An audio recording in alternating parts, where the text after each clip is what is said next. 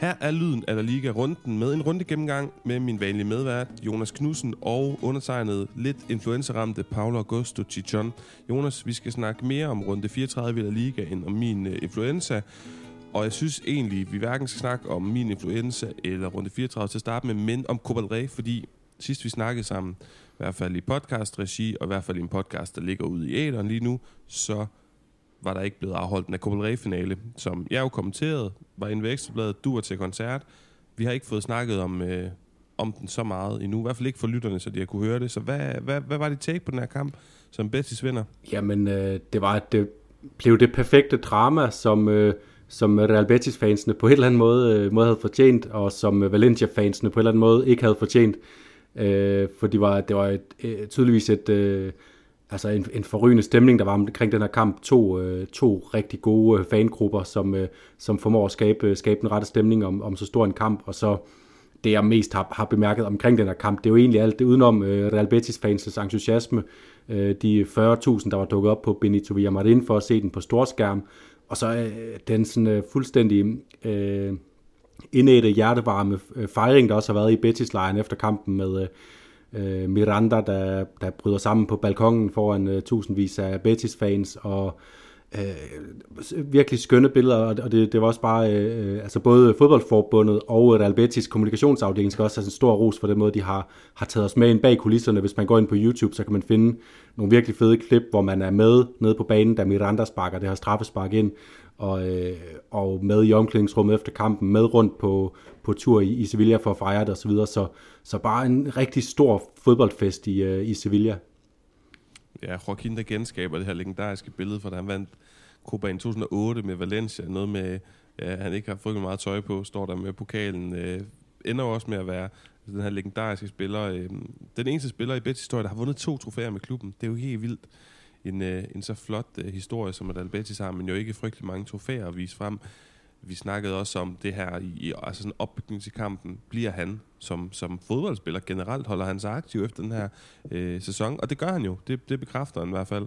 Så er det lidt mere eller mindre øh, uofficielt eller officielt øh, i forbindelse med fejringerne her. Jeg er helt enig, fantastiske billeder, vi ser. Jeg kan bide mærke et billede, jeg tror det er Aitor Ruibal og ægte Berlin, der står i sådan nogle retro Betis trøjer, sådan nogle rigtig lækre Betis trøjer.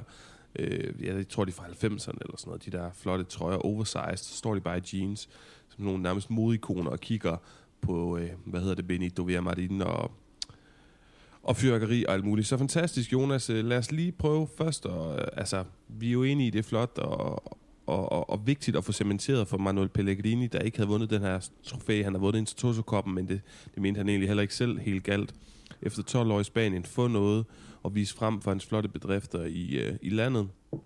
Øh, vigtigt for de her store spillere, vigtigt for den øh, relativt øh, nye præsident Angelado, der har fået mere styr på det. Hvad tænker du ellers sådan, øh, man vil kigge tilbage på med Betis briller i, for, i forbindelse med, at de har vundet det her trofæ? Øhm, jo, altså hvis man, der, hvis man skal sige, at de skal kigge tilbage om nogle år på det, så, så er det forhåbentlig også for dem, at det var startskud til, at de, øh, at de fortsatte den stejle, øh, stejlt opadgående øh, kurve, de er, er på som klub, hvor de, øh, hvor de planer sig højere og højere op og kan sigte højere og højere, og måske efter, efter et nyt trofæ inden for, for de næste par år, måske endda ude i, øh, i Europa, øh, Øh, man har kigget på Europa League selvfølgelig, men så vil de også kigge tilbage og, og konstatere, at de vandt den her Copa del Rey-titel, fordi de var det bedste hold i den her Copa del Rey øh, hele vejen igennem. De knockout-kampe, de har spillet, har de øh, vist sig virkelig flot frem, og hvor man kan sige, at Valencias vej var sådan lidt mere bumpet, så har, så har Real Betis bare altså der var selvfølgelig spænding i den sidste øh, semifinale kamp mod Rayo Vallecano på hjemmebane, hvor, hvor, hvor det blev sådan lidt unødig spænding også, men altså man kommer heller ikke frem til, til, en, øh, til en finale uden spænding, men Real Betis var bare det bedste hold øh, hele vejen igennem turneringen.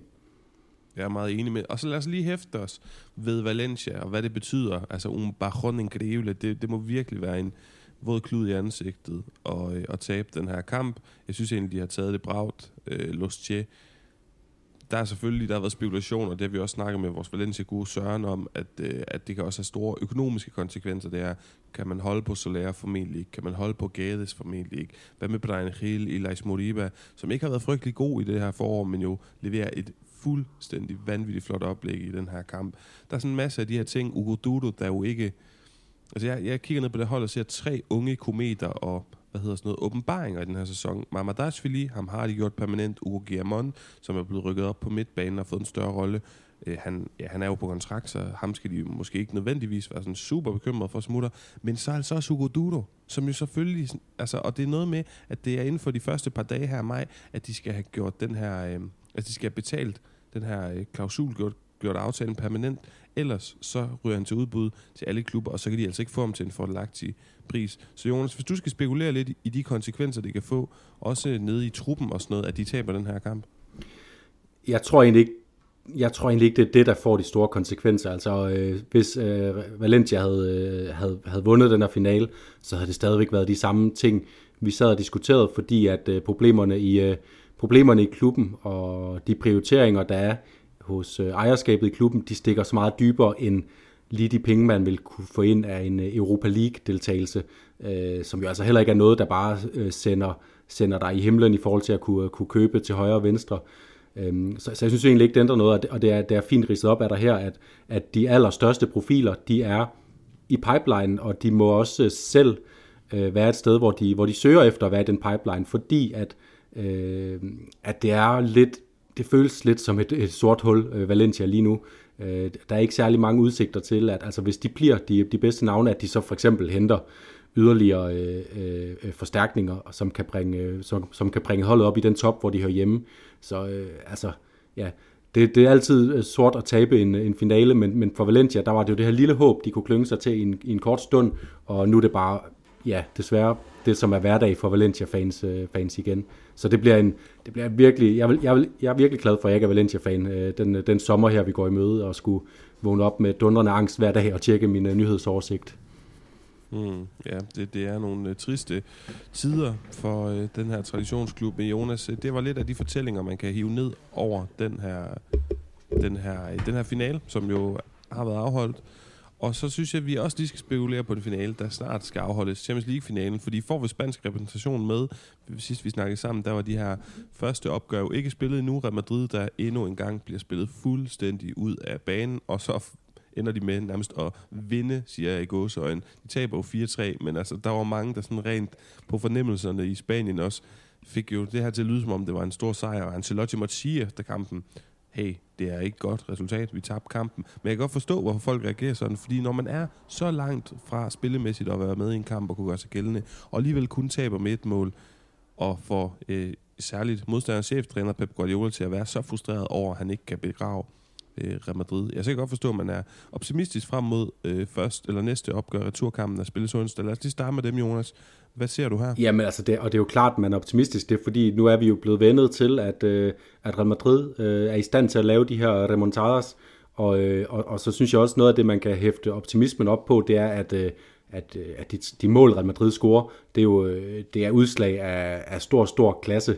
Og, og den klasse, den kan jo også betyde, at de, at de scorer det samme antal mål på Santiago Bernabeu, og så kan det både være lidt op til held og tilfældigheder, om de lukker, lukker lige så mange ind, som de scorer, eller lukker flere mål ind, end de scorer, eller lige præcis øh, holder City væk, så, øh, så Real Madrids mål kan være nok til at, at få kampen i forlænget, eller øh, slå dem ud i, i første hug. Jeg synes øh, stadigvæk, ligesom de var før kampen, at Manchester City er favoritter til at gå videre, fordi øh, hvis man bare ser sådan rent objektivt på det med, med fodboldøjne, så, så, så er det bare mest sandsynligt, at Manchester City de vinder over Real Madrid igen, fordi de er et bedre hold, men, øh, men det, er bare, det er bare umuligt for mig at sidde her og sige, at jeg tror, øh, Real Madrid ryger ud, når de har en kamp øh, på Bernabeu i sigte med kun, øh, kun nede med et mål.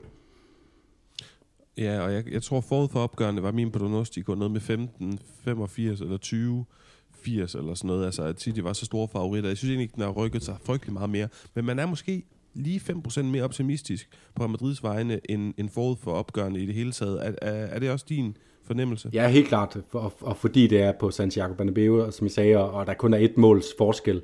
Så der, der er bare altid, der er altid en, en, en vis chance, og også en pæn chance for, at Real Madrid laver gode resultater, når de spiller på Santiago Bernabeu, uanset, uh, uanset hvordan konteksten omkring kampen er, uh, så, så end er. Og så over til Villarreal, som uh, jeg synes var virkelig gode i første halvleg på Anfield. Klarede det med bravur. 0-0. Jeg synes ikke, Liverpool var sådan uhyggeligt voldsomt gode eller det var de jo, men de var i hvert fald ikke, det var ikke som man tænkte, de burde have foran 3-0 efter første halvleg, og jeg synes, der var mange spillere, som virkelig tog øh, det, altså med oprejst øh, pande, og sådan virkelig skød brystet frem. Etienne Capuet, der bare lå og slåsset med nogle af de mest dynamiske og bedste midtbanespillere øh, i verden. Men de kunne ikke øh, holde stand anden halvleg, øh, for Liverpool lavede to mål, og nu ser det umådeligt svært ud. Gør det ikke det, Jonas? Jo, det gør det, og, og det jeg hæfter mig mest med, det er, i, i, i første halvleg, der var den her optimisme omkring, at øh, vi reelt i perioder var, var tæt på at, at få fat i bolden, øh, og så lykkedes de ikke. Altså, jeg synes, øh, jeg var lidt skuffet over øh, Parejo Capoe, for eksempel i deres, øh, i deres sådan, spil ud af presset, men det var også bare et udtryk for, at de spillede mod en modstander, som var øh, en, hvis ikke to klasser over dem, og vi har de, de, det var ikke fordi, at, øh, jeg tror heller ikke, det var fordi, vi alle ønskede at, at forsvare så, øh, så tæt på eget mål hele kampen, som de gjorde. Det her, det var simpelthen bare et udtryk for, at de var trykket tilbage, og Liverpool er øh, simpelthen bare et, øh, et fantastisk hold lige nu, og den anden halvleg, det var, øh, det var en ren øh, fodbolddemonstration, og, og jeg er lige ved, ved at tro, at næsten øh, alle hold i hele verden havde, havde tabt den halvleg med, med 2-0, hvis ikke, hvis ikke mere, og, og vi har alle kunne sagtens have tabt mere, så de skal være glade for, at de har et eller andet lille bitte fli af håb for, at en, øh, en mirakuløs indsats på hjemmebane kan bringe dem tilbage i opgøret på et eller andet måde. I hvert fald skabe spænding i løbet af, i løbet af de 90 minutter på, på øh, Stadio Ceramica. Ja, jeg skulle sige, det er sjovt, fordi at det her med spansk, øh, de spanske eksperter og journalister, deres fodboldanalyser er en gang imellem ret anderledes i forhold til dem, vi er vant til hjemme i, i Danmark. Og sådan en ting, der er gået igen, jeg har hørt i medierne, det er den her med, jamen, alting kan ske, hvis nu bare vi er alle for scoret første mål. Og det hedder med også et stort vis, men det er jo øh, også rigtigt nok. Altså, lad os nu se, og hvis vi er får puttet første mål ind i den her kamp, så er alting selvfølgelig åbent, Jonas. Vi holder øje. Jeg synes, vi skal lukke ned for nu, nyhedsstudiet nu, tage en breaker, og så øh, komme i gang med resultaterne fra runde 34, hvor Real Madrid jo langt om længe officielt blev udkåret som mestre. Karim Benzema Karim Benzema Karim Benzema Karim Benzema Jonas, resultaterne fra runde 34 var som følger. Fredag aften Sevilla Cardis 1-1, Nifu Nifa, som man siger, para los dos. Men Jesus Navas han fejrede 600 kampe for Los Hispalenses. Og så havde vi lørdag Alaves Villarreal 2-1 til baskerne. Emery han sparede på nogle spillere, fokuserer på det her Champions League øh, returopgør, vi lige har snakket om. Alaves, de fokuserer på at overleve, og de tog altså et stort spring i den rigtige retning her. De er selvfølgelig overhovedet ikke øh, øh, ja, sikret endnu, men øh, de skal vinde nogle kampe, hvis det skal lade sig gøre. Senere der fik vi Real Madrid og Espanyol 4-0 forventet mesterskabsfejring i Madrid. Meget mere om det lige om lidt. Valencia Levante, de havde Valencians derby 1-1. Ugoduro, vi snakkede om lidt op i toppen, fortsætter med at, ligesom at forsøge at sparke Valencia ud af depressionen med nogle mål, mens Jonas, Nus, Jonas Musa, han fik tiltrængt opbakning fra lægterne da han blev skiftet ind. Atletic Klub vandt 2-0 over Atletico, og også en af de større sådan, narrativer i runden, der er gået. Iñaki Williams og hans medløver, der var svære til dem for Simeone, og Simeone, der altså virkelig skal passe på, at Champions League-pladsen den ikke slipper ud af hænderne på ham. Søndag der fik vi Elche mod Osasuna 1-1, selvfølgelig Martin Budimir blandt målscorerne for 6. kamp i streg for Osasuna. Det er han den første Rojillo-spiller i det 21. århundrede, der formår altså at score 6 kampe i streg for det hold. Så havde vi Granada og Celta 1-1, hverken nok til at gøre en forskel for nedrykningskandidaten Granada, eller holdet, der ligger midt i tabellen, altså Celta. Og det kan man egentlig også sige, gjorde sig lidt gældende, øh, ja, Valencia, Levante og Elche Osasuna, som vi snakker om. Et nedrykningstruet hold, og så sådan et midterhold, som frister en tilværelse, der ikke er frygtelig spændende, hverken den ene eller anden vej. Rayo mod Real Sociedad. 1-1, og Alguacils hold, der formår ikke rigtigt at lægge pres på i forhold til at, at komme ind i den her top 4, som jo er åben, fordi Atletico Madrid ikke får vundet så mange kampe. Barcelona, de vandt sidst søndag aften, sidste kamp, der er 2-1 mod Mallorca. Ansu Fati, der fik sit comeback. Ham kan vi snakke lidt om. Memphis, han er fortsat topscorer for Barcelona. Ham kan vi også snakke om, Jonas. Og så altså Mallorca, som stadig har mange problemer med at på, øh, på trænerbænken. De har problemer med at blive i La Liga. De er kun lige akkurat over stregen, og øh, ja, dem skal vi selvfølgelig også holde øje med. Men hvor skal vi egentlig starte, øh, her Knudsen? Øh, vi kan selvfølgelig øh, lige prøve lidt vanetro i løbet af de sidste par måneder og tage en af de hvad skal vi sige, historier eller resultater, der har været i runden, der er gået, som, øh, som vi ellers ikke vil nå at forvente, hvor du lige kan knytte et par ord? Jamen, der, der, der, der er to kampe, jeg, jeg festner mig ved, og det er igen, altså, der, der var den her bundkamp, jeg kigger på lige nu. Jeg synes egentlig, det der, det største drama er, øh, når jeg sådan grænsker min egen øh, fodboldsjæl, og hvad det er, jeg, hvad det er, jeg, jeg føler trang til at løje med, og det er Alaves, der vinder den her kamp over Villarreal. Det er jo lidt en foræring, de får, men det var også en, øh, en brav, brav indsats af Alaves. Jeg elsker, at, øh, at det er Lagardia, den her øh, den her øh, forsvarskriger, som er inde og score det første mål, og, og det var bare som om, det satte, satte en ild under både tilskuer og, og, øh, og, og spillerne på Alaves-holdet, og, og så... Øh, og så selvom øh, Fernando Pacheco lavede et af sine meget, meget, meget sjældne drop, så endte han også lidt med at blive, blive helten, da han holdt, øh, holdt det her 2-1-resultat, som gør, at de har, ja, de har fire point op til, til Cardiff og Mallorca. De møder øh, øh, Alves, de møder Celta Vigo på udbanen. Celta Vigo et hold, som er ja, de er gået på, gået på ferie, tror jeg godt, man kan sige. Så altså en lille dør på klem til, til Alaves, som ellers øh, for mig at se har været det dårligste hold i, i den her øh, sæson. Og så synes jeg, vi skal vi, vi gør det her med, at vi lige freder øh, nogle hold en gang imellem, når vi tænker, nu er de home safe, og selvom Elche fik et øh, ikke sådan vildt imponerende resultat, altså 1-1 hjemme mod Sasuna, så gør det, at øh, både Cardis og Granada spiller uafgjort, og Mallorca de taber. Det gør, at jeg synes, vi, øh, vi skal øh, sætte Elche over den kategori, der hedder, nu er de ude af den, den bunddyst der. Ja, og, og hvis vi skal gøre det lidt i forhold til os, hvordan vi gjorde det sidste forår, Jonas, så kan vi jo sådan lige hurtigt opsummere der sæson. Hvad er det for en sæson, det har været for Elche? Øh, vi kan jo starte med at sige, at det er en kæmpe succes, at de overlever, som vi så mener, de gør nu det er en kæmpe succes, og jeg, synes også, det er en, øh, det er en sæson, der har budt på, på flere perioder, hvor Elche de har spillet godt nok til, at jeg har tænkt, øh, det er, det, det er klart et La Liga-mandskab, det her. De har, de har nogle, de har simpelthen bare nogle, nogle gode spillere, de har et solidt, solidt fundament med, øh, med nogle rutinerede spillere nede bag ved øh, Pedro Vigas, øh, Enzo Rocco og så videre. Øhm, så, så altså det, det er et hold, som er uden de sådan helt store profiler, øh, øh, øh, i, i spillet, men, men, men bare et solidt fundament hele vejen igennem. Og så vil jeg gerne rette en særlig øh, fokus på Edgar, Bad, øh, Edgar Badia, deres målmand, som jo egentlig øh, fik konkurrence fra Kiko, Silja, Kiko Casilla øh, inden sæsonen, men bare har bidt sig fast og har stået et væld af, af rigtig gode kampe, som også har, har betydet, at de har kunne, kunne skrabe de nødvendige point øh, til sig Elche. Så det bliver også spændende at følge med, om der kommer nogle, nogle spændende argentiner og lige skal løfte dem øh, til, øh, til den næste sæson, og måske lidt, lidt stjernetrøs af nogle, øh, nogle, nogle argentinske ældre øh, spillere. Ja, jeg kommer, når vi snakker el, så kommer jeg til at tænke på, da jeg havde det her spillerinterview i, i podcasten her med Tobias Hav Christensen, der spillede dernede i, i de her år i 2014, da de bliver tvangsnedrykket på grund af økonomiske problemer.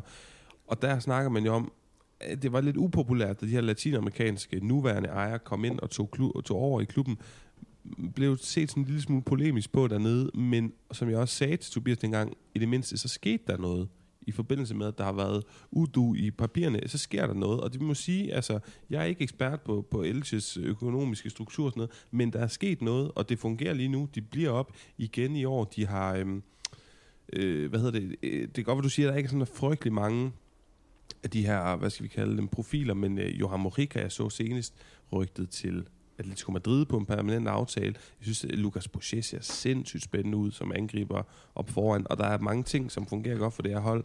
I sidste sæson var det det her markerpar Morica på venstre vingbak, og så Josan Fernandes på højre vingbak. Ham synes jeg ikke, vi har set så meget i år. Men øh, spændende, og spændende under Francisco, som vi jo må sige, vi glæder os til at se, få hele opstartsperioden med det her hold, se hvad han kan få ind af nye navne, og så fordi han har været den klart bedste Elche-træner den her sæson. Ja, og, og det, det vil også hæfte mig ved i forhold til, til Elche-fansenes frygt for, hvad der skulle ske med sådan et øh, sydamerikansk ejerskab. Der kan man sige, håbet, det var selvfølgelig, at som du siger, øh, Mojica, Lucas Boucher, Javier Pastore øh, øh, kom, også, øh, kom også til klubben. Øh, det, var, det var ligesom det, man kunne forvente, at der ville komme nogle, måske lidt, øh, lidt, nogle navne, der måske var lidt over Elches øh, hylde, men det, som så har, må have overbevist Elche-fansene om, at, øh, at det ikke er så dumt endda, det er, at de har, øh, samtidig med, at de har hentet de her spændende navne ind, så har de netop formået at sætte, nogle, øh, sætte en trup sammen, som virker øh, harmonisk, og, øh, og der er nogle, øh, der er nogle spillere også, altså øh, Raul Guti, øh, de forsvarsspillere, jeg har nævnt, et Gabardia ned i målet, og og, og det vidner bare om, at, at, de, at de tager ansvar for, at, for det at være ejer af en La Liga-klub, og at, øh, og at det først og fremmest er en, øh, er en, er en, er en trup, der kan, der kan konkurrere i La Liga, de skal have med, og så, og så må alt det andet ligesom være, være, være den pynt på lavkagen, der måske også kan gøre, at de kan sigte efter øh, og, og etablere sig måske i midten i løbet af næste sæson, eller i løbet af de kommende sæsoner, hvis de, øh, hvis de formår at, og, og selvfølgelig først og fremmest redde sig.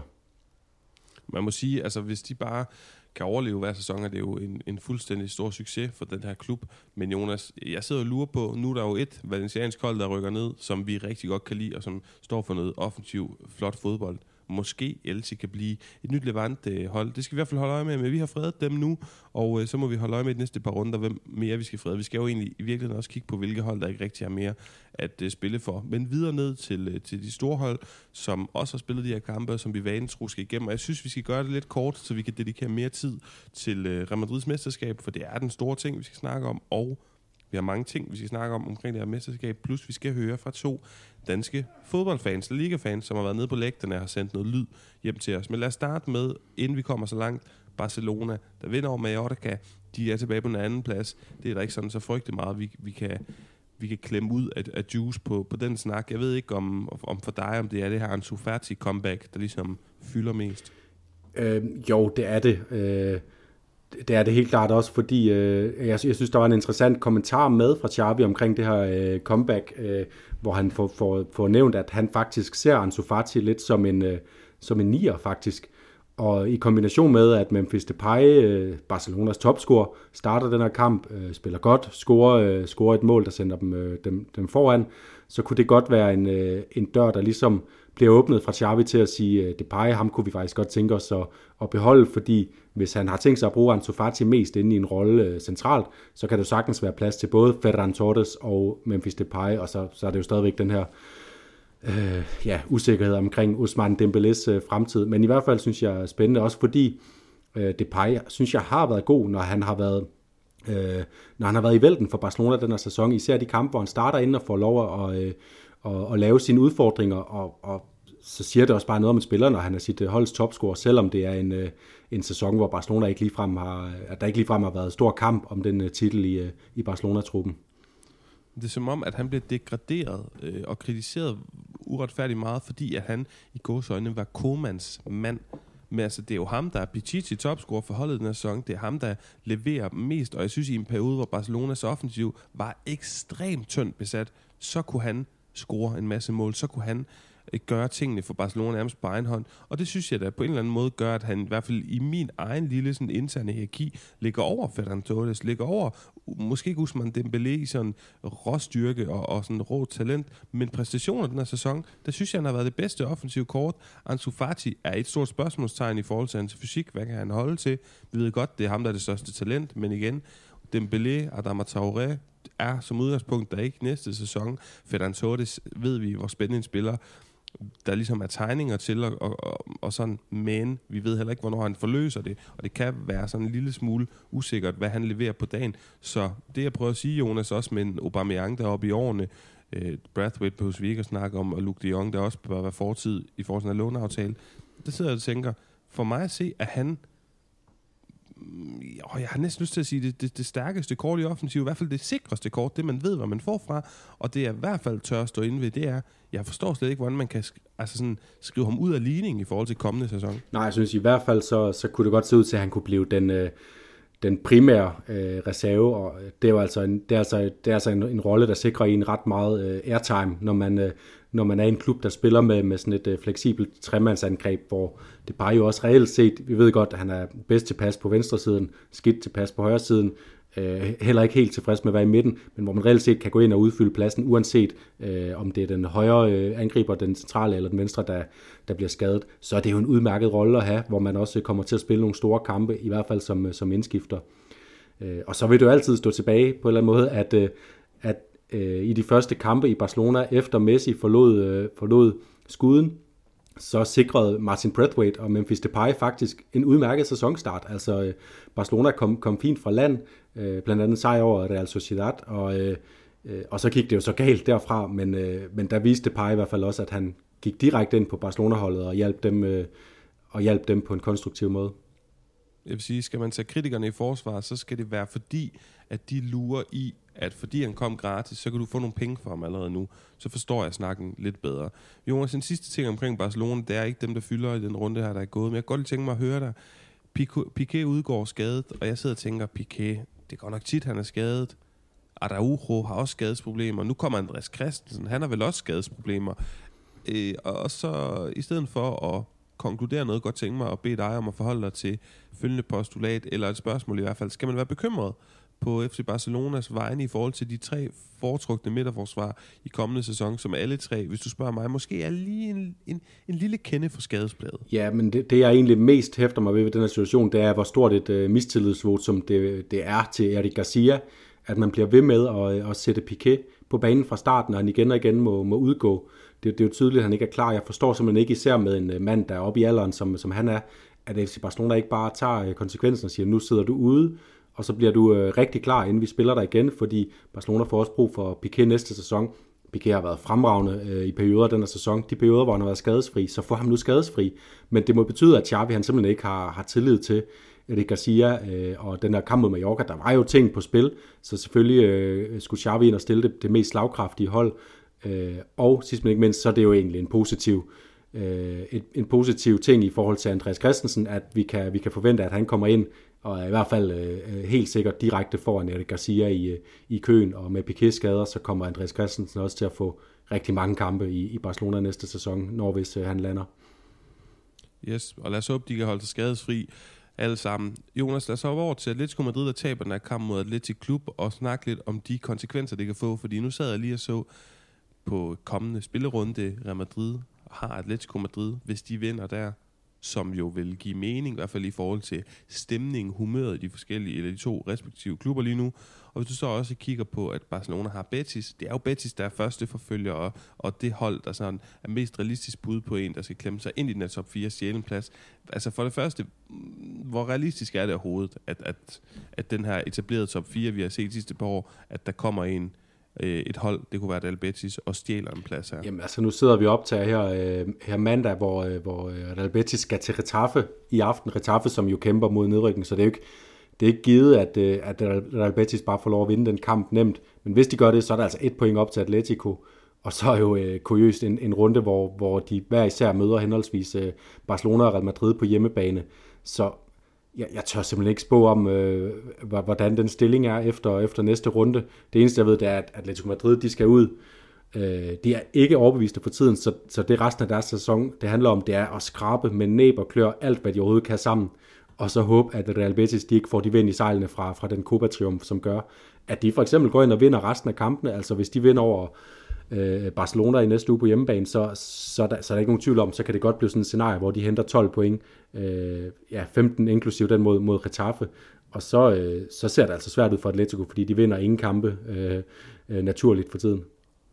Ja, prøv at lægge mærke til også, hvordan at diskursen i og omkring at Albertis Betis Ballon lige nu er, ja, vi vandt Copa del Rey, ja, det er fedt at vinde et trofæ for første gang i 17 år, men vi er ikke færdige i den her sæson. Det er erklæret mål, det vi går benhårdt efter, det er den her Champions League plads. Nøj, hvor ville det være fedt, hvis de uh, kunne gøre noget ved det. Men jeg frygter også for, for bredden i spansk topfodbold, fordi jeg må indrømme, hvis at Atletico Madrid ikke får Champions League i kommende sæson, så begynder det at duopol med Barcelona og Real Madrid at trække ja, mere i duopolretning, end at det er tre, øh, tre hold, som dyster omkring de der ting. Ja, men der må, der må lige så for, jeg tror altså, at Atletico er et sted, hvor de er stærke nok. De er, selvfølgelig er det et stort slag, og især fordi vi ved jo, at at, øh, at tv-pengene, især for klubber under Barcelona og Real Madrid, ikke er lige så store, som de er i, i for eksempel England. Men jeg tror altså, at Atletico Madrid de er et, et, øh, et, et sted, hvor de godt kan klare sig igennem en enkelt sæson uden Champions League. Det begynder at blive farligt for dem, hvis det er flere sæsoner.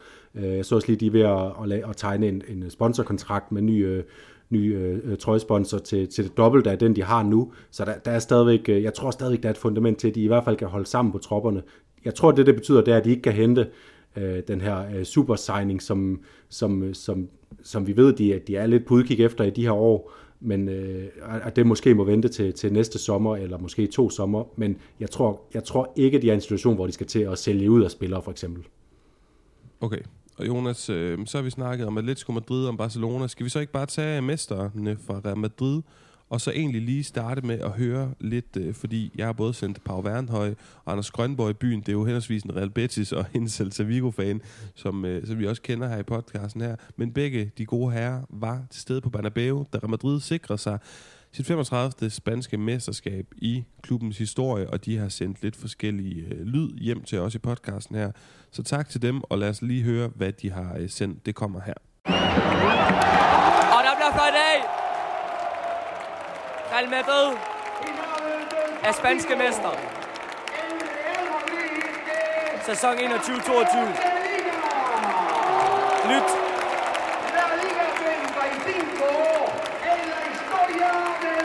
Alle spillerne samles i en klub.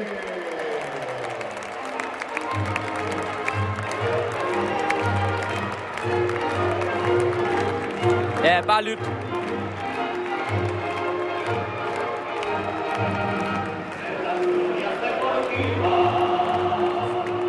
Er mesterskabsfest på Bernabeu. Tillykke til Real Madrid.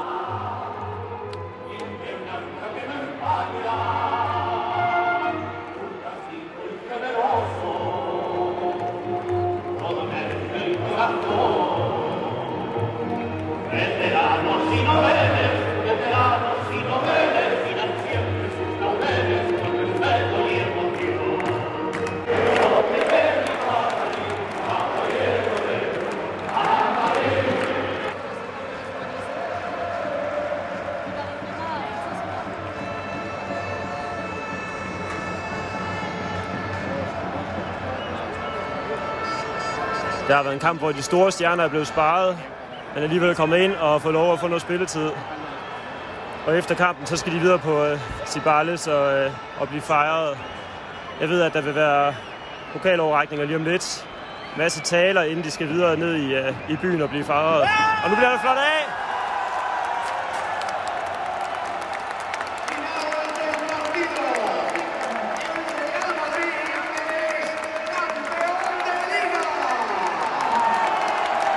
Tilbage til os her i studiet, Jonas. Øh, vi skal have sat øh, et par ord, eller faktisk mange ord, på det her mesterskab. Øh, jeg ved snart ikke, hvor jeg skal starte. Jeg tror jeg godt, jeg kunne tænke mig at bede dig med La Liga-brillen om at sætte det her om, om at sætte det her mesterskab i perspektiv. De vinder det historisk tidligt, i hvert fald for Real Madrid.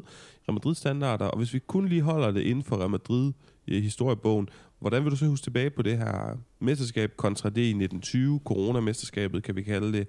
16-17 står for meget, meget, meget tilbage som det her B-holdsmesterskab, hvor Zidane brugte de her øh, ja, B-kæde med Rames, Morata, Danilo osv. Og så seneste mesterskab før det, 11-12, det er rekordmesterskab under Mourinho. Øh, ja, nu skal lige huske ret, at det er 2020, ikke 1920, at deres øh, seneste mesterskab øh, øh, var, så, så, så langt skal vi trods alt ikke tilbage. Men jeg synes, det står faktisk, øh, det, må, det må komme til at stå ret højt øh, på kaminhylden øh, i Real Madrids trofæskab, og, og det, det, det gør det af flere årsager, tænker jeg. For det, for det første, så, øh, så var det ikke et Real Madrid-hold, der på nogen måde blev, blev kåret som favoritter til at vinde det her mesterskab inden sæsonen. Øh, Øh, der, var, der var debat om, øh, at de ikke havde fået lavet den her foryngelseskur på midtbanen.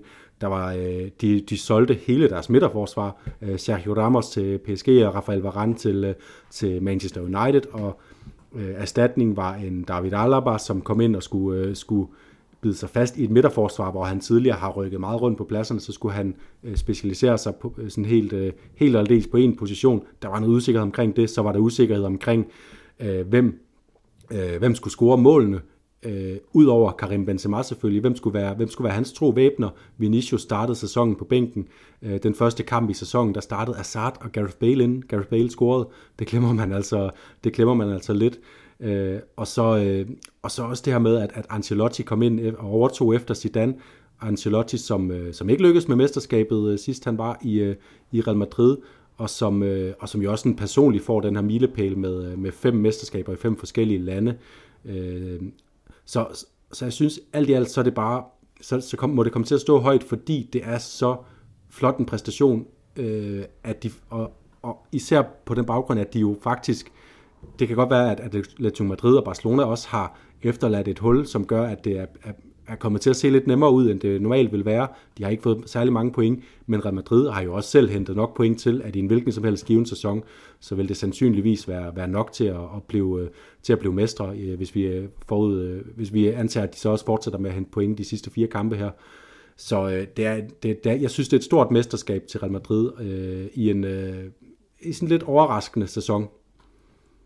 Og Jonas, øh, når jeg sådan spoler tiden tilbage og, og hukommelsen tilbage til efteråret, så nogle af de ord, vi brugte på dem, det var jo øh, Carlo Ancelottis eget ord, det der energico. Øh, han sagde ikke energico, men energico. Når lidt italiensk-spansk.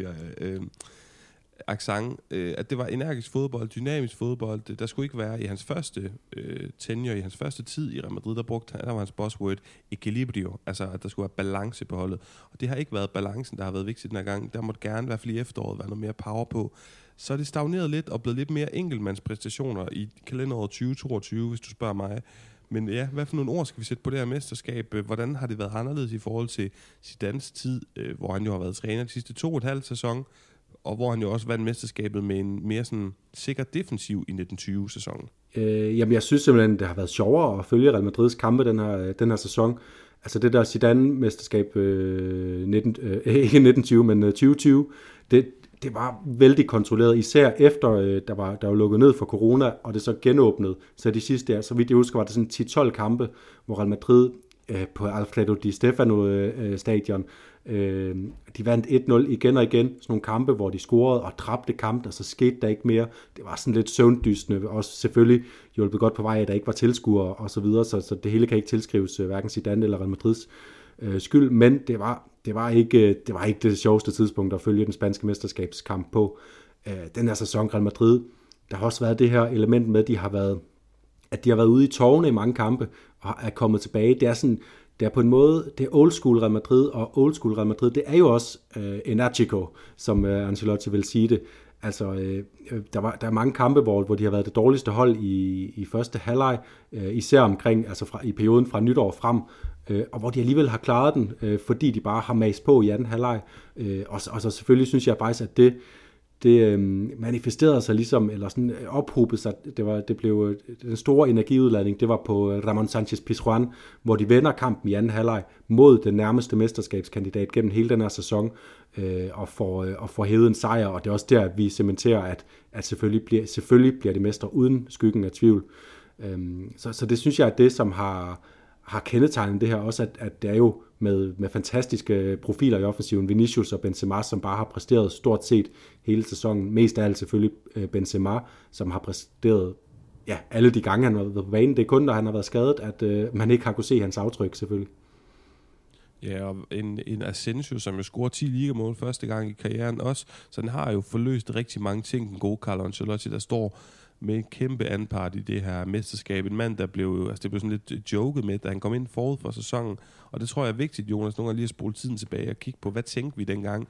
En falderet Everton-træner. Øh, er det ikke ja, er det ikke en joke, at, at Real Madrid ser sig nødsaget til at, at, at kalde på ham endnu en gang, øh, og en, øh, på et tidspunkt, hvor han ikke har nogen stor stjerne i europæisk fodbold, i hvert fald ikke sådan en aktuel en, kommer ind, du siger det med midterforsvaret, gør det virkelig, virkelig godt, og der var så meget kritik, der vi alle bare koster så og så meget, selvom han er gratis, vil spille på midtbanen eller vensterbak, det har vi bare ikke rigtig set. Han har bare spillet det midterforsvar, han har gjort det fantastisk. Lederskikkelse allerede, har virkelig også lavet sig integrere flot på det her hold. Øh, så ja, og de her fejringer, Jonas, vi har set, øh, da, da de så fejrer mesterskabet, jeg synes bare, man kan se, at øh, de er helt vilde med Carlo Ancelotti. Jeg er også vild med ham, når han står der og ryger en kæmpe cigar med øh, spillerne omkring ham, og de elsker ham. De synes, han er en cool figur. Han står og danser med Vinicius, og jeg skal komme efter dig apropos den her mesterskabsfejring, øh, jeg kunne godt tænke mig at spekulere, der er ingen af os, der har prøvet at spille fodbold på det her niveau, øh, eller som sådan kender til det, men, men bare lige for at spekulere i det, fordi både Morten Brun og Mads Juncker sagde ind på TV2 Sport ind i studiet og, og ned fra Madrid og i kommenteringen, at de regnede ikke med, at de skulle sådan for alvor, øh, hvad hedder sådan noget, fejre den, det her mesterskab i lørdags. Og det synes jeg klart, at vi fik øh, set billeder på, at det gjorde de, og der er også enkelte af spillerne og deres kærester, der har lagt øh, ting op på de sociale medier, hvor der har været en mesterskabsfejringsfest, efter at de har kørt rundt i bus og så videre i byen, og de har fået mere end et glas vin eller en Mau dåseøl i de der røde colakopper.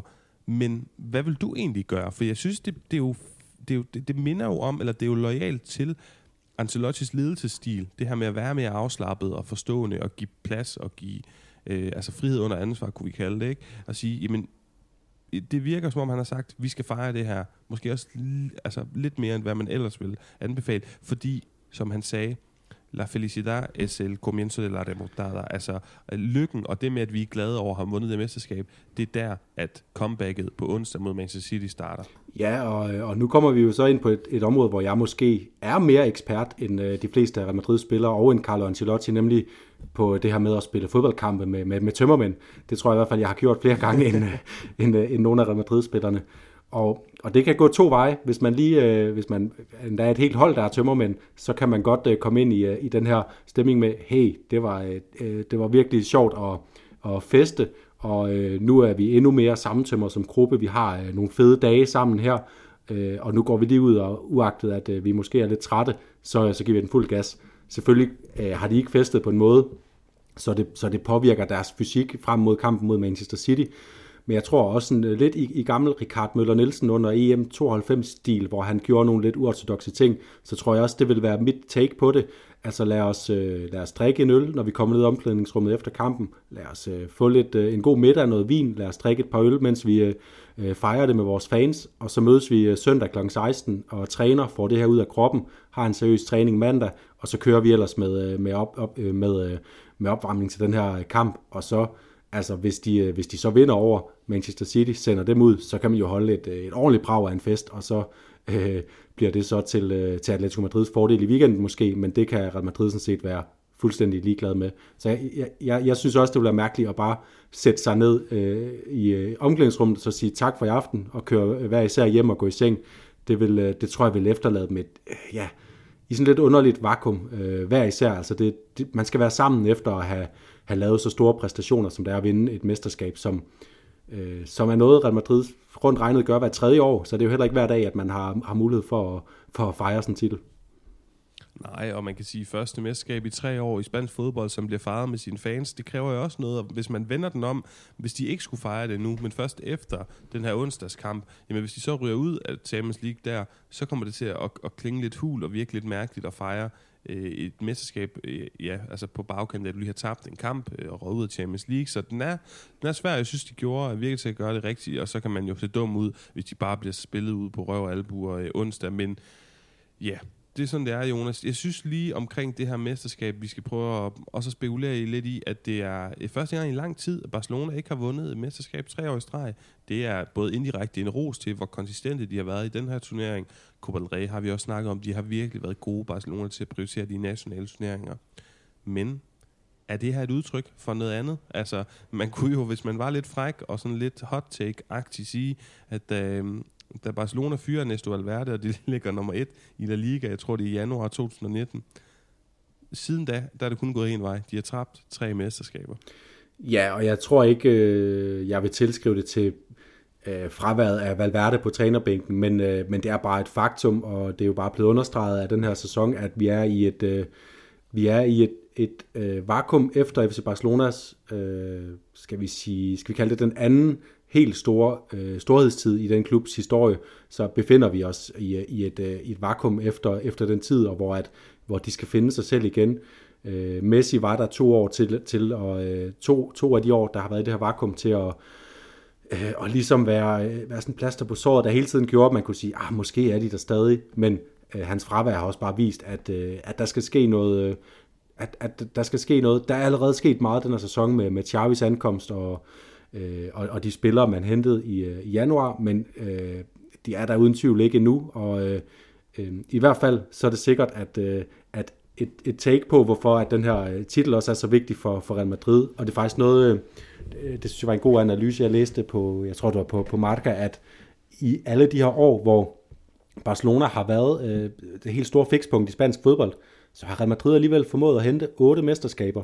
Altså siden, øh, øh, i, i, øh, siden årtusindskiftet har Barcelona vundet 10 titler, Real Madrid 8, hvilket vil sige, selvom at, at det store billede vil være, at Barcelona har været den dominerende faktor i spansk fodbold, så har Madrid ikke mistet noget terræn i forhold til antallet af titler, og det er altså, det er altså vigtigt for, for Real Madrid, fordi selvfølgelig måler man sig op på og sidder og stolt og kigger på, at man har så mange flere mesterskaber, trods alt historisk, end, øh, end FC Barcelona. Og Jonas, til noget af det sidste, jeg har på spisesedlen i dag, pasillo, som er det her kulturfænomen, det her begreb nede i Spanien, hvor man laver en æresport, kan man vel kalde det på dansk, øh, for nogen, der lige har vundet en titel. Jeg læste en rigtig, rigtig god øh, artikel på El País, som er en af de gode spanske øh, medier, aviser, øh, som, hvor, hvor skribenten han snakkede om, at El Pasillo, som er et kendt fænomen i, i, i Spanien, jeg sådan lige på stående fod kan jeg ikke huske, at vi har det i andre fodboldlande, hvor det er kendt derfra. Det er en virkelig spansk ting, som man også kender herhjemme.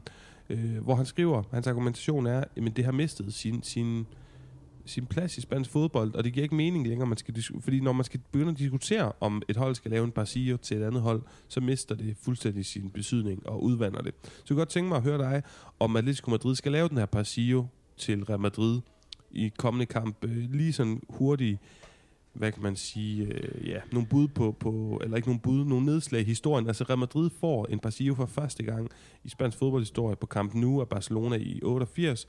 Den måske mest kendte, det er den i 2008, hvor at øh, Barcelona også giver den til Real Madrid forud for en Clasico.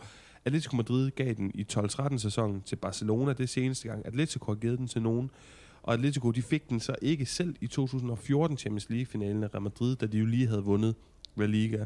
Og så er der to sådan øh, relativt nylige eksempler. I december 2017, Barcelona, der ikke giver den til Real Madrid, efter Real Madrid har vundet Mundialito de Clubes. Her begynder det også, Jonas, at blive lidt udvandet. Hvorfor skal Barcelona give den til Real Madrid, fordi de har vundet mini-VM for klubhold? Det var i hvert fald også argumentationen i, katal- i den katalanske klub. Jamen, vi er jo ikke med i den turnering, og det er en lille turnering. Og så senere, maj 2018, den synes jeg faktisk er hård. Den havde glemt Zidane, og Real Madrid, der nægter at give Barcelona den på kamp nu, da Barcelona netop i kampen før havde vundet ligaen. Og det er jo det, der sådan er øh, reglen i gåse øjne i anførselstegn. Har du vundet en titel i kampen lige før den kamp, du så skal give Pasi, så skal du så give Pasio.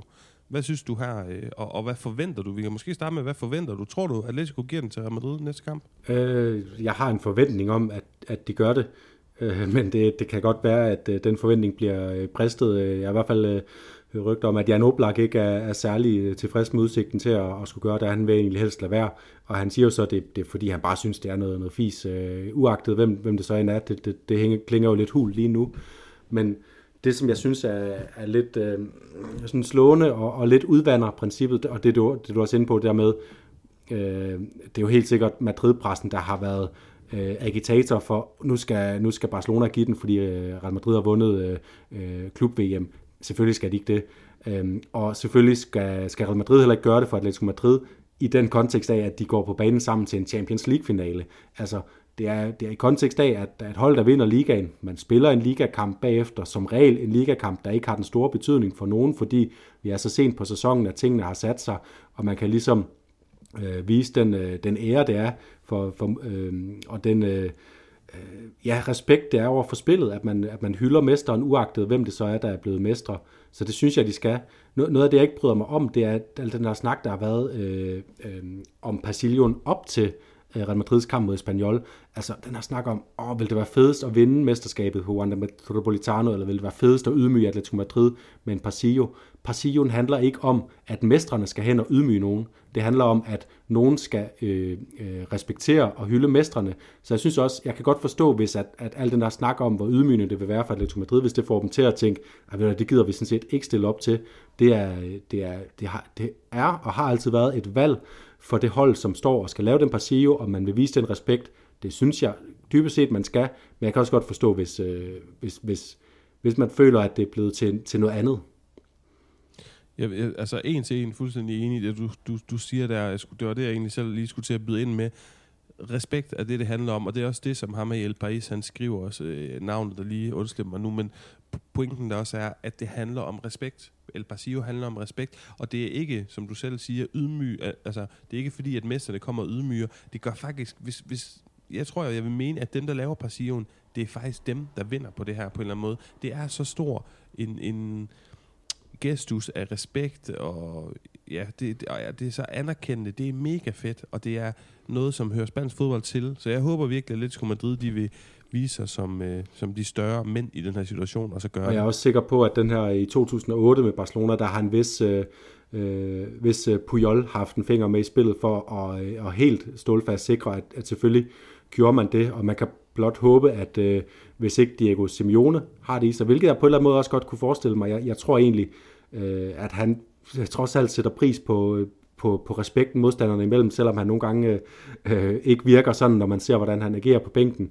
Øh, at, øh, at i modsat fald, eller at, at øh, Atletico Madrid så har nogen i truppen, måske en, en kukke, øh, der, der ligesom øh, der, der går i front der og siger, selvfølgelig, selvfølgelig gør vi det, det er vi store nok til. Men som du også siger, Jonas, og helt rigtigt hæfter ved, at allerede der, hvor Madrid-passen, og man fornemmer måske også lidt Madrid-holdet, begynder at, at spekulere i, hvor, om det kan være ydmygende, jamen det er der, det går galt.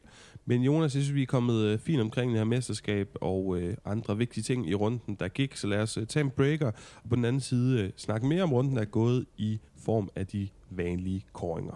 Luis, llámame por favor. Venga, estoy preocupado. Adiós, guapo. Jonas, lad os starte med El Detallazo de la Jornada 34 spillerunde. Hvad så vi? Vi så øh, flot Memphis-mål, vi så øh, mange flotte ting. Jeg synes, Rodrigo lavede et par pæne, pæne mål for, øh, for Real Madrid.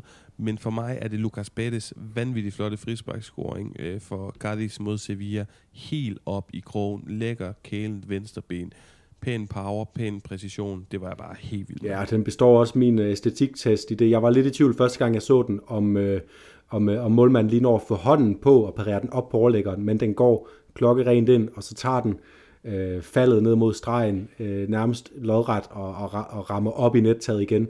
Meget, meget, meget smukt. Så, øh, så den, den kan jeg også godt gå med til. Jeg synes også, Rodrigos mål, det hvor han trækker ind, to træk ind forbi forsvaret, så sender den i modsatte retning. Øh, ligesom vi så Jakob Breum gøre for OB mod AGF i weekenden til de, til de opvagte. Øhm, øh, det var virkelig, virkelig godt lavet, og sådan et, øh, et lille tegn for mig på, at, øh, at Rodrigo øh, skal vi måske holde lidt mere øje med, end jeg i hvert fald har gjort, fordi jeg har, øh, jeg, jeg har ikke set øh, det helt store fra ham i løbet af den her sæson, synes jeg. Øh, Udover selvfølgelig øh, nogle Champions League øh, øh, situationer, hvor han har været afgørende. Og så vil jeg også gerne lige nævne, ja. Mathias Di Toto, han har en fuldstændig fremragende redning i øh, Granada, øh, Celtas målmand øh, på et, et langskud fra Luis Mia. Der var mange flotte langskud i den her runde i øvrigt, og mange flotte målmandsredninger på langskud, men lad os give den til, til Lucas Perez, den uh, gode gamle angriber veteran. Det gør vi. Uh, og hvad så med El Jugon de la Jornada. Det bliver nok ikke Falcao, selvom han øh, ja, efter 57 sekunder får scoret. Det var over to, en halv, øh, nej, hvordan var det? Over to måneder siden, han havde spillet, og næsten over et halvt år siden, at han havde scoret sidst, Jonas. Men det er nok ikke ham, der, der løber med den. Nej, han løber ikke med Jugon, men øh, vi vender tilbage til ham. Øhm, Jugon, altså, jeg synes, øh, jeg, jeg lå mig drage lidt af den her Real Madrid-Espanyol-kamp. Det var øh, et Espanyol-hold, der var dukket op for at være med i festen, øh, Øh, lignede det mest af alt. De, de stillede ikke meget op mod Real Madrid. Alligevel synes jeg bare, at det var, det var fedt at se Rodrigo. Øh, han, han greb bare den her lejlighed til at vise sig frem på en festdag foran Bernabeu. Det er noget, der kommer til at festne sig øh, i alle Real Madrid-fans øh, hukommelse, at han spillede øh, så god en kamp i, i en kamp, hvor man vinder mesterskabet, og hvor der, der er god stemning. Så jeg, jeg vil godt give den, give den til ham sekundært til, til LaGuardia, øh, som jeg snakkede om fra, fra Alaves, som, øh, som leder sit hold i en øh, desper, desperat kamp, som nu er lige åbnet lidt på klem. Jeg har faktisk også skrevet Rodrigo ned, øh, og en lille interessant abund, et lille notat herfra, øh, da man køber ham i sin tid, Real Madrid, så øh, er han øh, under Jorge Sampaoli, som vi også har set blandt andet i Sevilla. Det er ham, der er træner over i Santos. Og der får han at vide, øh, Jorge Sampaoli, at han skal helst, altså sådan lidt et ving med en vognstang, er du sød det her næste år, inden han kommer til Real Madrid og spiller på højre kant, fordi vi har rigeligt med venstrekanter i Hazard og Vinicius. Og, og han har også spillet mest højre kant. Det er også der, pladsen er åben på det her Real Madrid-hold, men han kan jo bedst lide at spille venstre kant. Det siger han gang på gang, unge Rodrigo. Og jeg synes også, han beviser det i den her kamp, hvor han jo spiller venstre kant, og, og klart er bedst, når han spiller derover. Så er jo heller ikke nemt at blive en lille smule begrænset i sit spil ved at skulle spille spejlvendt. Det er jeg helt sikker på, at for eksempel Vinicius ikke vil uh, nyde godt af. Nej, men han har nok bedst af at, at, at droppe den, øh, den retorik, fordi han bliver bare nødt til at, at se, hvad han kan gøre for at komme ind på den højre kant. Øh, Vinicius, med den sæson, han lige har lavet, så er der, så er der altså et stykke vej for, at han kan, han kan kæmpe med ham, og må ikke også, at de synes, det vil være sjovest begge to at være med i, øh, i, uh, i de næste 10 år i Real Madrid. Det, øh, det er jeg ret sikker på, at de begge vil acceptere. Jonas, øh, lad os få din Douglas, Dani Alves først, fordi især på Douglas, der lurer jeg på, om du har en, og så kan jeg få lov at vælge en anden, og jeg står også nemlig mellem to. negativ historie. Så lad os starte med Ja, men vi endte faktisk med at komme rundt om den i, øh, i Barcelona-Mallorca-kampen. Det var det her med uh, Gerard Piquet, der udgår skadet efter hvad, 27, 27 minutter eller sådan noget af kampen. Jeg synes, det er dårlig, øh, det er dårlig dømmekraft af, af, af Xavi. Altså, øh, øh hvis nu at man havde tabt kampen, fordi Piquet øh, var ude, så ville det selvfølgelig have været forfærdeligt, men han bliver nødt til at have tillid til, at øh, han kan bruge sin, øh, sin første reserve i midterforsvaret i en kamp på hjemmebane mod, mod Mallorca, og når Piquet så går skadet ud, så ser det bare rigtig dumt ud. Så det er min Douglas til, øh, til Xavi. Nå, jamen så, jeg havde egentlig lyst til at snakke om Jason Conti, som jeg også skrev til Patrick Ofsonne, skal udtales med T. Conti, øh, den her britiske pundit, der sviner øh, via Real ja. til. Men øh, det er så håbløst, at det øh, vil jeg på en eller anden måde lade stå for selv. Og så vil jeg skynde mig lige at nævne, Antoine Griezmann, der sidder ser Atletico Madrid. Han er blevet 31 år gammel. Hvor mange ligamål tror du, han har scoret i år, Jonas? Fire. Det er et for højt. Han har scoret ja. tre ligamål. Mm, altså, mm, ja, er han, er han ugens negativ historie i spansk fodbold? Er han bare generelt blevet en negativ historie i spansk fodbold? Barcelona-fans, apropos det her med at være sådan lidt overoptimistiske omkring deres økonomi, hænger jo stadig på ham. Jeg har svært ved at se, at Atletico Madrid køber ham fast. Altså, det kan godt være, at han hører mere til der, men han har jo ikke spillet en god sæson. Hvor, altså, hvor har du ham henne lige nu? Får vi nogensinde en god, stabil Antoine Griezmann at se igen i, i spansk fodbold, eller gik det galt, dengang han tog det skifte med et års så med et års forsinkelse fra Atletico Madrid til Barcelona i første omgang? Jeg synes, det gik galt. Øh, cirka halvvejs, for alvor halvvejs ind i hans tid i Barcelona, hvor det var som om, at øh, øh, han havde fået lidt snor og også lavet nogle gode præstationer, og så lige pludselig så var det bare som om, det var en envejs øh, billet mod, øh, mod, øh, mod en exit øh, uden ære, øh, æren i behold. Og, og lige nu kan jeg ikke se, at vi får den Chris Mann at se, som øh, spillede i Atletico Madrid lige før han skiftede til, til Barcelona, og som kunne afgøre kampene ud af ingenting. Altså, ja, han har jo et brag på overlæggeren i den her kamp mod øh, Atletic Klub, som, som jo ligner en afslutning fra den gamle Chris Mann, så det hører jo også med, at nogle gange er, det, er man lidt uheldig, men, men man kan ikke tilskrive uheld, at han kun har scoret tre mål den her sæson. Han har været en, øh, vi har også tit snakket om ham øh, som en grå mus, altså der bare ikke har deltaget særlig godt i spillet, øh, hvilket er mærkeligt, fordi vi har jo set ham for, for Frankrig være den her, øh, den her, øh, det her fikspunkt i, i en offensiv. Vi så det også i Atletico Madrid i, i den første periode, så øh, det, er, det er meget skuffende, men det, det virker også bare af historien udenom banen også, at det den, den spiller, som kunne have øh, læg, øh, lagt sig selv på det allerhøjeste niveau i fodboldverdenen, men heller ikke helt havde prioriteterne øh, de rigtige steder, og, og, og sådan har dedikeret sig til at, til at nå det. Jeg er fuldstændig enig. Det er altså trist med ham, men lad os øh, få noget, der ikke er trist. Jesus Navas og de her kuldspillere i spansk fodbold. 600 kampe for Sevilla, det er så fedt. Jeg sad også, altså, vi har jo selvfølgelig også Joaquin, vi har Jago Aspas, José Luis Morales, jeg sad og tænkte på, som jeg synes jo også er det for, øh, for Levante. Altså, vi har bare, for flere og flere af de her spillere. Jeg synes jo også, at Iñaki Williams begynder at få den her øh, status op i Atletic Klub. Så lad os bare få flere af de her spillere rundt omkring i de, øh, i de spanske klubber, Jonas. En hyldest til dem. Og så øh, skal vi have din, Dani Alves. Ja, den går til Radamel Falcao, som, øh, som du sagde, scorede efter et langt fravær. Og øh, hvorfor får han den? Jo, det gør han, fordi øh, vi har ikke set så meget til ham i hans tid i Rayo, men det vi har set til ham, der har han så sandelig leveret, det var hans, øh, det var hans 6. sæsonscoring i ligaen, og dem har han altså scoret på 679 minutter. Så det vil sige, at den, øh, den gode gamle Falcao, han holder altså stadig et målsnit, der vil, øh, der ville sende ham i spil til topscore-titlen i La Liga, hvis han havde spillet øh, samtlige kampe fra, fra start og til, og til ende i den her sæson. Det ser desværre ikke ud til, at han øh, kommer tilbage på det fysiske niveau, der gør, at han kan gøre det, men det er jo stadig en fornøjelse, at der bare er en mand med en målnæse, der, der, øh, der gør de ting, han har været bedst til hele karrieren. Ja, vi må lave en indsamling her på Lyden af Liga til at give ham nogle nye knæ og nye hofter, fordi nøj, hvor kunne det være fedt at, at se ham på sådan et stabilt, kontinuerligt niveau at kunne spille mere end ja, 600 minutter i sæsonen. Jonas, så vil han score masser af mål for Rayo. Men øh, vi er nået nærmest ved vejs ende. Vi mangler lige forudsigelser frem mod kommende runde. Jeg har kigget på Real Betis mod FC Barcelona i kommende runde. Den bliver altså afgørende. Ikke så meget for Barcelona. Jeg tror efterhånden, de har sikret sig den her top 4 placering og nok også anden plads. Men Real Betis kan med en sejr virkelig. De skal selvfølgelig også lige vinde mod Retafe i aften true Atletico Madrid og øh, ja, prøve at få en af de her dyrt købte fjerdepladser, der giver Champions League i kommende sæson. Hvad tror jeg på i den her kamp? Jeg tror på, at vi får fem mål minimum i kampen. Og så er det jo sådan lige med at fordele dem. Altså, jeg laver lidt en rygdækning ved ikke at fordele dem, men jeg skal jo også komme med et bud på, hvem man kunne købe på holdet.dk, og der tror jeg, at jeg vil kigge på øh, Memphis Depay. Nu har vi snakket om ham. Memphis Depay, som øh, måske også er lidt billigere, og igen det her med, hvis ens taktik på holdet.dk er at købe nogle af de spillere, der er lidt mindre populære end andre, så kig efter ham, og hos Betis kunne man kigge efter en offensiv spiller som Juanmi. Så det er mine to bud. Juanmi og Memphis Depay, og fem mål minimum i Betis Barcelona i kommende runde. Ja, og hvis Juanmi scorer, så ved vi jo, der højst sandsynligt falder, falder, falder to mål, eller, eller også så falder der i hvert fald nogle mål i de efterfølgende kampe. De kommer i stimer for ham. Så spændende bud, og altid spændende at se frem imod kampe mellem Betis og Barcelona, må man sige. Jeg, øh, jeg går så til, hvis, hvis, øh, hvis Betis vinder, så sætter det pres på Atletico Madrid, øh, og det pres skal de leve med i øh, El Derby Madrileño, når de øh, tager imod Real Madrid, og måske skal lave deres, den famøse Pasillo. Jeg tror, øh, at der må komme noget mathed i sokkerne hos Real Madrid nu. De vinder, vinder mesterskabet den her runde. De har øh, City-kampen, øh, øh, er det tirsdag eller onsdag? Det er onsdag.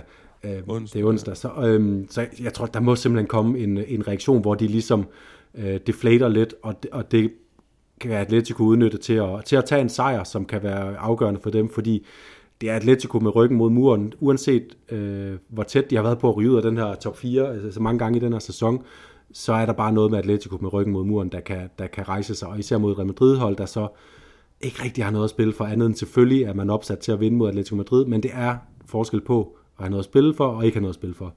Og øh, der vil jeg så pege på, at man skulle tage en spiller som Yannick Ferreira Carrasco, fordi når Atletico er farlig, så er det bare ham. Så øh, ind, ind med Carrasco, som også var den øh, Atletic-spiller, udover Chris Mann, der var tættest på at score i, i kampen mod Atletic, så har jeg lige sekundært øh, en, øh, en anden forudsigelse. Jeg tror, Levante, de øh, kommer på fod igen efter deres uafgjorte i øh, Valencia-derbyet, hvor, øh, hvor de også var tæt på til sidst og, øh, og presse på efter de tre point. Nu er det, hvis ikke det var sidste udkald der, så er det aller sidste udkald nu for at, at, at krybe sig ind igen. Og øh, de tager imod øh, Real Sociedad, som ser ud til at være gået helt i stå. De kommer ikke til at blande sig i den her kamp om Champions League-pladsen, det tør jeg altså godt øh, lægge hovedet på blokken og sige nu. Øhm, så jeg tror, at Levante vinder den her hjemmekamp, og så vil jeg kigge på Dani Gomes, som har budt sig godt til at have haft, øh, haft mange chancer for, for at score mål her, øh, her på det seneste. Det er du Jonas, og så er der vist ikke andet tilbage end at sige øh, tak, fordi I lyttede med. Vi lyttes, med, øh, lyttes ved, hedder det, på mandag, når vi kommer igen øh, efter en runde 35, hvor vi nok skal have fredet nogle flere hold og gjort noget mere status på stillingen, eftersom vi jo så småt lakker mod inden mod den her sæson. Så øh, tak fordi I lyttede med. Tak for øh, din input, Jonas. Jeg lægger mig ind i sengen igen, tager nogle panodil, og så er jeg snart på toppen igen. Ciao.